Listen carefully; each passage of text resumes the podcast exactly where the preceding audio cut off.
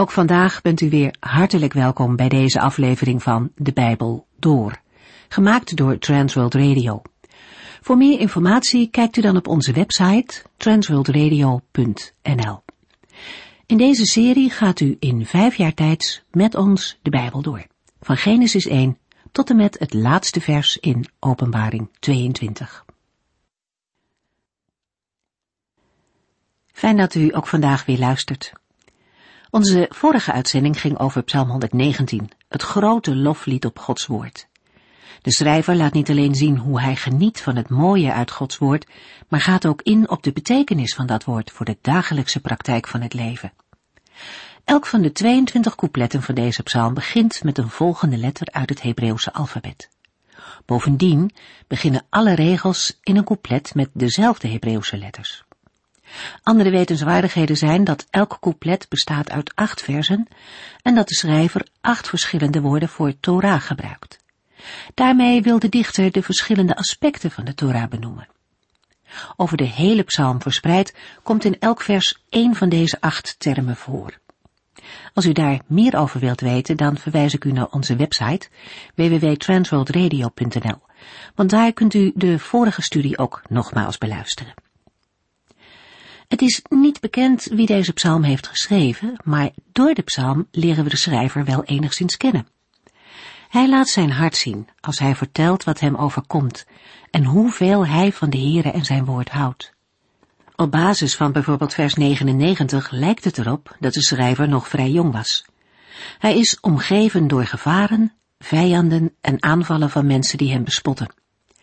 Zijn tegenstanders zijn sterk en machtig en ze honen hem vanwege zijn trouw aan de Torah en proberen hem met leugen en list te overrompelen. Te midden van al deze beproevingen blijft de dichter zich vastklampen aan het woord van God. Want daarin vindt hij zijn vreugde, troost, kracht en moed. In het laatste vers wordt het nog eens zichtbaar, als de dichter zegt, Soms dwaal ik rond als een schaap dat de herder niet meer kan vinden. Zoekt u mij dan op, ik zal uw geboden nooit vergeten. En tot slot, een mooie manier om deze lange psalm eens te overdenken, is door elke dag één couplet te lezen. In deze serie lukt het ons niet om alle teksten voor te lezen en te bespreken, maar ik wil u graag aanmoedigen om daar zelf wel de tijd voor te nemen. En wij lezen nu verder vanaf Psalm 120. De psalmen 120 tot en met 134 hebben alle dezelfde titel. Het zijn bedevaartsliederen. Voor de betekenis van het Hebreeuwse woord, wat eraan ter grondslag ligt, zijn heel wat verklaringen voorgesteld.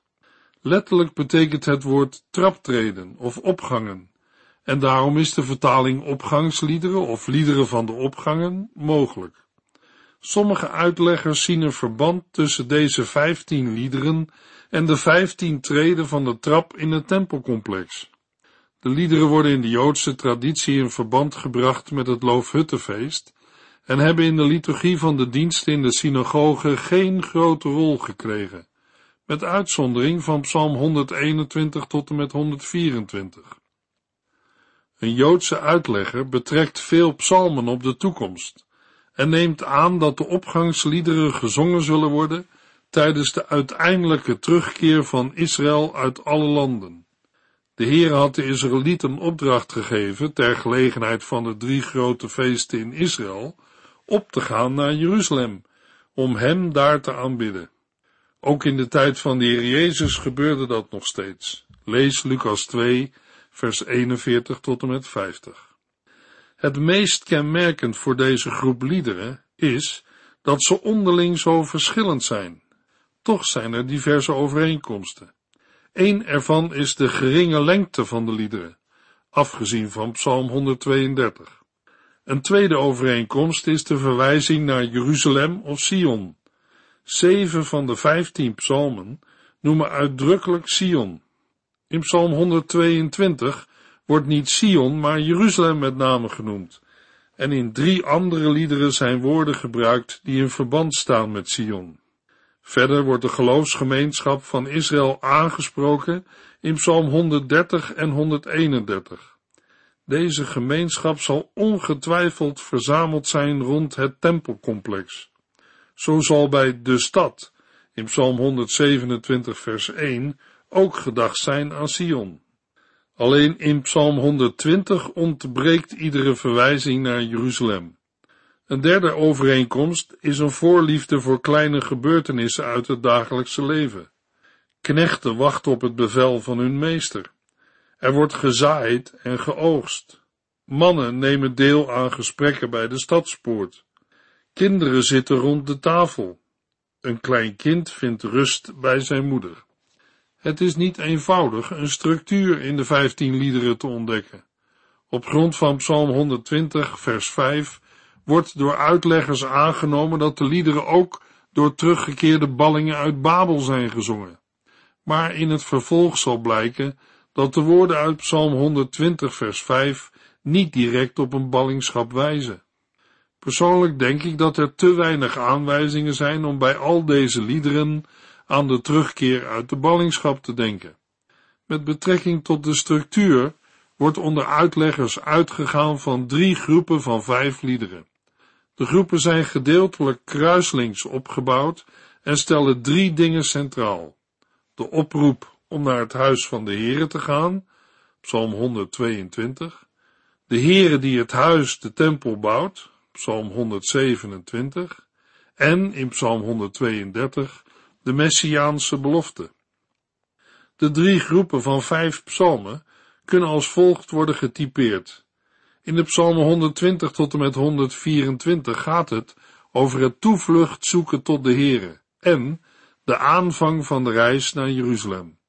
In de psalmen 125 tot en met 129 over Gods zegen en gerechtigheid vanuit Sion. In de psalmen 130 tot en met 134 komt weer het toevlucht zoeken tot de Here aan de orde. En aangekomen bij de tempel, Gods zegen vanuit Sion. Psalm 120 vers 1 tot en met 7. Een bedevaartslied. Toen ik in nood zat, riep ik naar de Heere, en hij gaf mij antwoord. Heere, neem mij in bescherming tegen de leugenaars. Leugenaars, wat denkt u van hem te kunnen verwachten? Pijlen van een scherpschutter en brandend hout van de bremstruik, dat doet pijn. Ik vind het zo erg dat ik in een onbekend land moet verblijven en moet wonen bij een ver en vreemd volk. Ik woon al veel te lang tussen deze mensen die zelfs vrede haten. Zelf ben ik altijd op vrede uit, maar als ik daarover spreek, worden zij opstandig en willen ze vechten. Bij Psalm 120 kan worden gedacht aan een individuele klaagzang, omdat het gebed om redding van vijanden en de verklaring van onschuld in die richting wijzen. Maar het openingsvers, dat niet bij een klaagzang past, doet vermoeden dat het gaat om een danklied. Er zijn verschillende mogelijkheden en opvattingen. Daarin staat in ieder geval het vertrouwen van de dichter centraal. De psalm is opgebouwd uit een aantal elementen. De opening is een herinnering aan of vermelding van een gebedsverhoring. Daarna volgt een gebed om verlossing, met een korte vermelding van een oordeel over de vijanden. Als afsluiting klinkt een klacht over de vrede, die de dichter tevergeefs zoekt. Het opschrift bevat geen verwijzing naar Jeruzalem. Mogelijk heeft dit te maken met de afstand die de pelgrims nog hadden te gaan. Jeruzalem was wel het doel van de reis, maar nog lang niet in zicht. Het is alsof de dichter een lofzang gaat beginnen. Hij heeft het uitgeroepen naar de Heere, en de Heere heeft hem geantwoord. Toch blijkt uit de rest van de psalm dat er geen sprake is van een lofzang. De dichter roept een eerdere gebedsverhoring in herinnering, om moed uit te putten in de huidige situatie. De Heere verandert immers niet en blijft altijd dezelfde. Als hij in het verleden heeft geantwoord, zal hij dat nu opnieuw kunnen doen. Het is ook mogelijk dat het hier niet gaat om een herinnering aan een eerder verhoord gebed, maar dat de dichter melding maakt van een bemoedigend woord dat een priester namens de Heere heeft gesproken. In vers 2 spreekt de dichter zijn gebed uit. Hij stort zijn hart uit en geeft aan dat hij verlossing nodig heeft. Er zijn mensen om hem heen die leugens over hem vertellen. Waarschijnlijk heeft hij te maken met vijanden die hem in een kwaad daglicht stellen en hem leugens voorhouden.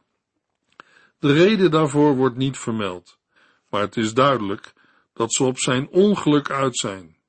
Het probleem van bedrog, intriges en laster komt meermalen voor in de psalmen en vormt een kwaad dat erg moeilijk is te bestrijden. In vers 3 wordt duidelijk dat de dichter erop vertrouwt dat de Heer het voor hem zal opnemen. Vroeg of laat zal hij ingrijpen en hen die leugens uitkramen straffen. De vraag is retorisch, want de dichter is overtuigd van een toekomstig ingrijpen van de Heere, mede gebaseerd op de eerdere ervaring van gebedsverhoring. Het antwoord op de vraag volgt direct. Wat de leugenaars zaaien, zullen ze ook oogsten. De beeldspraak van de pijlen wijst op harde, leugenachtige woorden. Pijlen worden in de Bijbel regelmatig met spot in verband gebracht. Een sterke parallel is te vinden in Psalm 64, waar gesproken wordt over mensen die door God worden aangevallen, op de manier zoals zij zelf anderen belagen. De toevoeging brandend hout van de bremstruik wil aangeven dat het om brandende pijlen gaat. Ondanks het feit dat de dichter zichzelf moed heeft ingesproken door een eerdere gebedsverhoring te noemen en door te stellen dat de vijanden zullen worden gestraft, beklaagt hij zichzelf. Hij is op zoek naar vrede, maar hij is omringd door mensen die de vrede haten. Hij spreekt tot zichzelf, maar de woorden vormen een gebed. In de Hebreeuwse tekst van vers 5 worden de plaatsnamen Mesech en Kedar genoemd. Mesech is een volk dat in Turkije leefde, ten noorden van Israël, terwijl Kedar een nomadische herderstam is die in de Arabische woestijn leefde, ten zuidoosten van Israël. De dichter kan onmogelijk bedoeld hebben dat hij op beide plaatsen tegelijk was. Hij geeft door twee heidense volken te noemen aan dat het leven voor hem tussen zijn eigen volksgenoten niet beter is dan wanneer hij ver weg onder de heidenen zou leven, vooral onder volken die als agressief bekend staan. Zijn eigen volksgenoten gedragen zich ook zo, zoals uit het slot van de psalm blijkt. Er kan uit deze woorden niet worden opgemaakt dat de dichter in ballingschap leefde. Maar er kan ook niet worden geconcludeerd dat hij zich in Israël bevond. Het woordgebruik toont de wanhoop van de dichter en geven een tijdelijke situatie aan. Zelfs als de dichter zich in eigen land bevond en eigenaar van een permanente woning was, voelde hij zich niet thuis onder zijn tijdgenoten. Zijn ervaring niet werkelijk thuis te zijn, heeft alles te maken met de houding van hen die zijn buren zijn. Hij leeft al veel te lang onder hen die de vrede haten. De dichter wil niets anders dan vrede, maar zodra hij zijn mond open doet, ontmoet hij strijd. Het zijn geen vijandelijke legermachten die de oorlog met hem aangaan, maar de mensen om hem heen met woorden van geweld en leugen. De dichter heeft zijn best gedaan om tot vrede te komen, maar hij heeft geen succes gehad. Nu kan alleen de Heere de vrede bewerken. Het woord is aan hem. De dichter worstelt met zijn situatie. Hij ervaart zijn leven als een leven onder heidenen die hem bespotten en bedreigen. Eerder heeft hij ervaren dat de Heere verlossing schonk door zijn gebed te verhoren. Hij spreekt zichzelf moed in, beklaagt zich en impliciet richt hij zich met die woorden ook tot God. Het kan niet anders of de Heere zal daarbij tegen de vijanden van de dichter moeten optreden. De dichter neemt het heft niet zelf in handen. Zelfs niet nu hij de weg van de vrede, de weg van het gesprek, te vergeefs heeft bewandeld. Nu moet hij opnieuw wachten op een verhoring van zijn nieuwe gebed. Door zijn open einde past Psalm 120 goed aan het begin van de bedevaartsliederen. Ook de samenhang met Psalm 119 mag worden verondersteld. Juist vanwege de rijkdom van de Torah gaat de pelgrim op reis om in de tempel de Here te dienen. Psalm 135 sluit bij deze liederen aan, door in te gaan op hen die in de tempel werkzaam zijn, in het bijzonder op hun taak om de Heere te loven. De bedevaartsliederen hebben ook betrekking op de eschatologische vergadering van Israël uit de volken, zoals in diverse profetische Bijbelboeken staat beschreven. We gaan verder met Psalm 121. Psalm 121, vers 1 en 2. Een bedevaartslied. Ik kijk omhoog naar de bergen. Waar vandaan kan ik hulp verwachten? De Heer helpt mij. Hij heeft immers de hemel en de aarde gemaakt. Oorspronkelijk kan Psalm 121 een tweespraak zijn geweest tussen een koning, die de vraag van vers 1 en 2 heeft gesteld, en een minister of profeet, die het uitgebreide antwoord heeft gegeven. Maar het is ook goed mogelijk dat de dichter zelf het antwoord geeft, omdat vers 3 met hij begint en niet de naam van de Heere noemt. Psalm 121 sluit aan bij de zegenbede van nummer 6 en is mogelijk zelfs een uiteenzetting van de eerste paar woorden. Het is mogelijk dat Psalm 121 op weg naar Jeruzalem werd gezongen, maar het is ook denkbaar dat de pelgrim zichzelf toezingt als ze weer op weg gaat naar huis. Het lied bestaat uit twee delen. Het begint met een vraag door de pelgrim gesteld, die direct beantwoord wordt. Het antwoord is inhoudelijk wel sterk, maar de pelgrim lijkt innerlijk nog niet volledig overtuigd. De omstanders zingen hem moed in. Ze bevestigen dat hij op de Heere vertrouwen kan. Hij zal hem bewaren. De dichter beseft welke gevaren er zijn. De heuvels zijn een ideale schuilplaats en uitvalsbasis voor roofzuchtige benden. De reis van een pelgrim is lang en vol gevaren. Ook al is de reis naar Jeruzalem of naar huis nog lang, en boezemen de heuvels angst in, is er mogelijk onzekerheid over de reis. Het gaat in Psalm 121 niet om de angstige vraag, maar om het antwoord. De dichter is zich bewust van het feit dat hij hulp nodig heeft in de dreigende gevaren. Het antwoord dat hij zelf geeft lijkt vol vertrouwen, maar kan ook bedoeld zijn om zichzelf aan te moedigen. Hij beleidt dat de Heere de hemel en de aarde heeft gemaakt. Juist omdat de Heere de wereld en de heuvels, waar de reis doorheen gaat, heeft gemaakt, is het zinvol om hem te vragen om hulp. Psalm 121, vers 3 tot en met 8. Hij zal voorkomen dat u valt, want hij is uw beschermer en slaapt nooit. Werkelijk, de beschermer van het volk Israël slaapt nooit. De Heer is uw beschermer. Zoals uw schaduw u nooit verlaat, blijft ook hij altijd bij u. Overdag zal de zon u geen kwaad doen.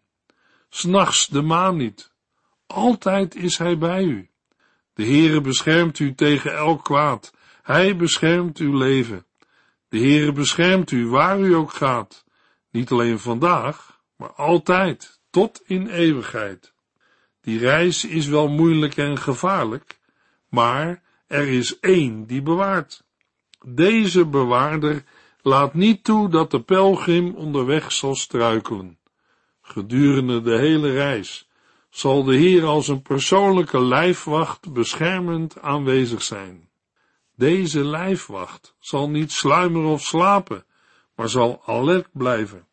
Daar komt nog bij dat hij niet alleen de bewaarder van de dichter is, maar van heel Israël. In vers 5 wordt het beeld van bescherming ingevuld door de schaduw. De Heere zorgt voor schaduw. De schaduw is hier het beeld van bescherming. In letterlijke zin beschermt schaduw tegen de kracht van de zon. De Heere beschermt zijn volk tegen alle mogelijke gevaren op alle tijdstippen. De Heere zal de pelgrim voor alle kwaad bewaren. Zowel bij het weggaan als bij het terugkomen is het de Heere die bewaart. Daarbij is de bescherming tegen alle kwaad voor altijd, zolang als de pelgrim en het volk zullen bestaan.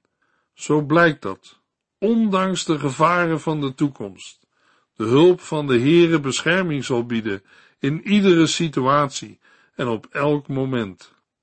Driemaal per jaar vertrokken pelgrims vanuit het gehele land naar het heiligdom in Jeruzalem. Aan het begin van een reis kon de aanblik van de heuvels de pelgrims de moed ontnemen, want de reis was voor velen lang en de heuvels waren vol gevaren. Psalm 121 stelt dat de Heere de pelgrims en zijn volk voor al die gevaren bewaart. Het vormt een voorproefje of is de naklank van de priesterzegen, die in de tempel is of wordt uitgesproken. Kregen gelovigen nooit een zonnesteek, of werden zij nooit overvallen door bandieten. De pelgrim mocht vertrouwen dat alles onder Gods leiding en zorg viel. Psalm 121 roept op tot vertrouwen in de Heere. De psalm benadrukt de trouw van God en benoemt geen menselijke ervaringen. We gaan verder met Psalm 122. Psalm 122 is een bedevaartslied van David. Het is een lied van de enkeling, die te midden van een menigte en soms samen zijn lied zingt. Op één punt spreekt hij de omstanders aan, namelijk om te bidden voor de vrede van Jeruzalem. Het is een lied voor Sion, of beter Jeruzalem, aangezien het woord Sion niet wordt genoemd. Psalm 122 bezingt de pracht van de stad, waar niet alleen de koning van Israël troont, maar ook de hemelse machthebber, de Heere. Net als in vele andere liederen voor Sion sluit dit lied af met een gebiedende wijs. Psalm 122, vers 1 tot en met 5. Wat was ik blij toen men mij voorstelde samen naar het huis van de Heere te gaan. Jeruzalem, wij staan in uw poorten. Jeruzalem is een goed gebouwde stad waar de stammen van het volk naartoe gaan. Alle stammen die bij de Heere horen. Het is een voorschrift voor het volk de Heere te prijzen, want in Jeruzalem wordt recht gesproken en het huis van David is er gevestigd. Het was voor de Israëlieten een opdracht om bij de drie grote feesten, Pesach, Wekenfeest en Lofuttefeest, naar Jeruzalem te komen en de feesten in en rond de tempel te vieren. Maar het zal ongetwijfeld een enorme onderneming zijn geweest om die reis ook daadwerkelijk te maken. Elkana ging met zijn vrouwen maar één keer per jaar naar het heiligdom, toen nog in Silo. De dichter wordt overweldigd door de indrukken van de stad, en dat klinkt in deze psalm door. Nu hij door de poorten is binnengegaan, heeft hij Jeruzalem bereikt. De vrede van de stad heeft alles te maken met de situatie van zijn bewoners. Zij die begaan zijn met de stad, zoals de dichter dat is, hebben geen echte rust als het voorwerp van hun liefde geen rust heeft. Het is ook niet vreemd dat de dichter het belang van het huis van de Heere en het belang van zijn vrienden naast elkaar plaatst. Beide belangen vallen samen omdat ze met elkaar zijn verbonden. In Psalm 121 neemt Jeruzalem een centrale plaats in. Ondanks de lofzang op haar bouw gaat het ten diepste niet om de stad zelf. De bouw van de stad verwijst naar de geestelijke bouwmeester, die troont in de stad. In Jeruzalem staat namelijk het huis van de Heere. De vrede van de stad is verbonden met het welzijn van de gelovigen, die in een verbondsrelatie met de Heere leven. Als Jezus in de ontmoeting met de Samaritaanse vrouw de vraag krijgt waar aanbeden moet worden, koppelt hij de aanbidding los van het huis van God, los van Jeruzalem. Daarmee trekt hij de lijn van de psalm verder door.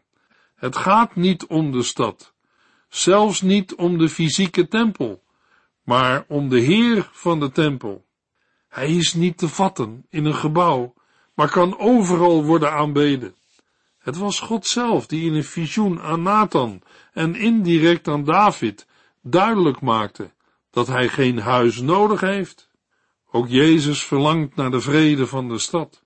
Hij huilt als hij constateert dat de inwoners niet begrijpen wat hun vrede kan brengen. Daarmee doelt hij op zichzelf, de van God gezonde Messias, de vredevorst. Maar Jeruzalem erkent hem niet als vredevorst. De gevolgen voor de stad zijn groot, maar achter de verwoesting gloort nieuwe hoop. We gaan verder met Psalm 123. Psalm 123, vers 1 tot en met 4. Een bedevaartslied. Ik kijk omhoog naar mijn God die in de hemel woont. Zoals knechten wachten op het bevel van hun meester en een dienstmeisje wacht op het teken van haar meesteres, richten wij onze ogen op de Heer onze God en verwachten van Hem genade. Geeft u ons genade, Heere, en helpt u ons, want wij hebben al te veel minachting ontmoet. Wij werden overladen met spot van ongelovige en trotse mensen hebben ons met minachting behandeld. Meer kunnen wij niet verdragen. Psalm 123 spreekt over verdrukking, die het menselijke draagvermogen te boven gaat. Gelovigen die te midden van goddeloosheid leven, worden geconfronteerd met onrechtmatige bespotting en verachting. De situatie is dusdanig dat de gelovigen geen andere uitvlucht hebben dan de weg naar de Here. Hem wordt gesmeekt om genadig te zijn. De bidders zijn zich bewust van de relatie die ze met hem hebben en vergelijken zichzelf met slaven die van hun meester afhankelijk zijn. Ondanks het grote vertrouwen dat de psalm uitspreekt, blijft de sfeer grimmig. Er is nog geen sprake van verlossing. Nu is het wachten op Gods reactie. Het aanhoudende gebed rekent met zijn hulp. In de volgende uitzending lezen we Psalm 124 tot en met 131. U heeft geluisterd naar De Bijbel Door, in het Nederlands vertaald en bewerkt door Transworld Radio. Een programma waarin we in vijf jaar tijd de hele Bijbel doorgaan. Als u wilt reageren op deze uitzending of u heeft vragen, dan kunt u contact met ons opnemen. Tijdens kantooruren kunt u bellen op 0342 47 8432 0342 47 8432. Ook kunt u een e-mail sturen naar de Bijbel door transworldradio.nl en natuurlijk kunt u ook via de post ons bereiken. TWR, postbus 371, postcode 3770, AJ in Barneveld. Dit programma werd gepresenteerd door Cor Weda en Ike André. Techniek was in handen van Odin van Voorkom. En wij allemaal bedanken u voor het luisteren. Graag tot de volgende keer.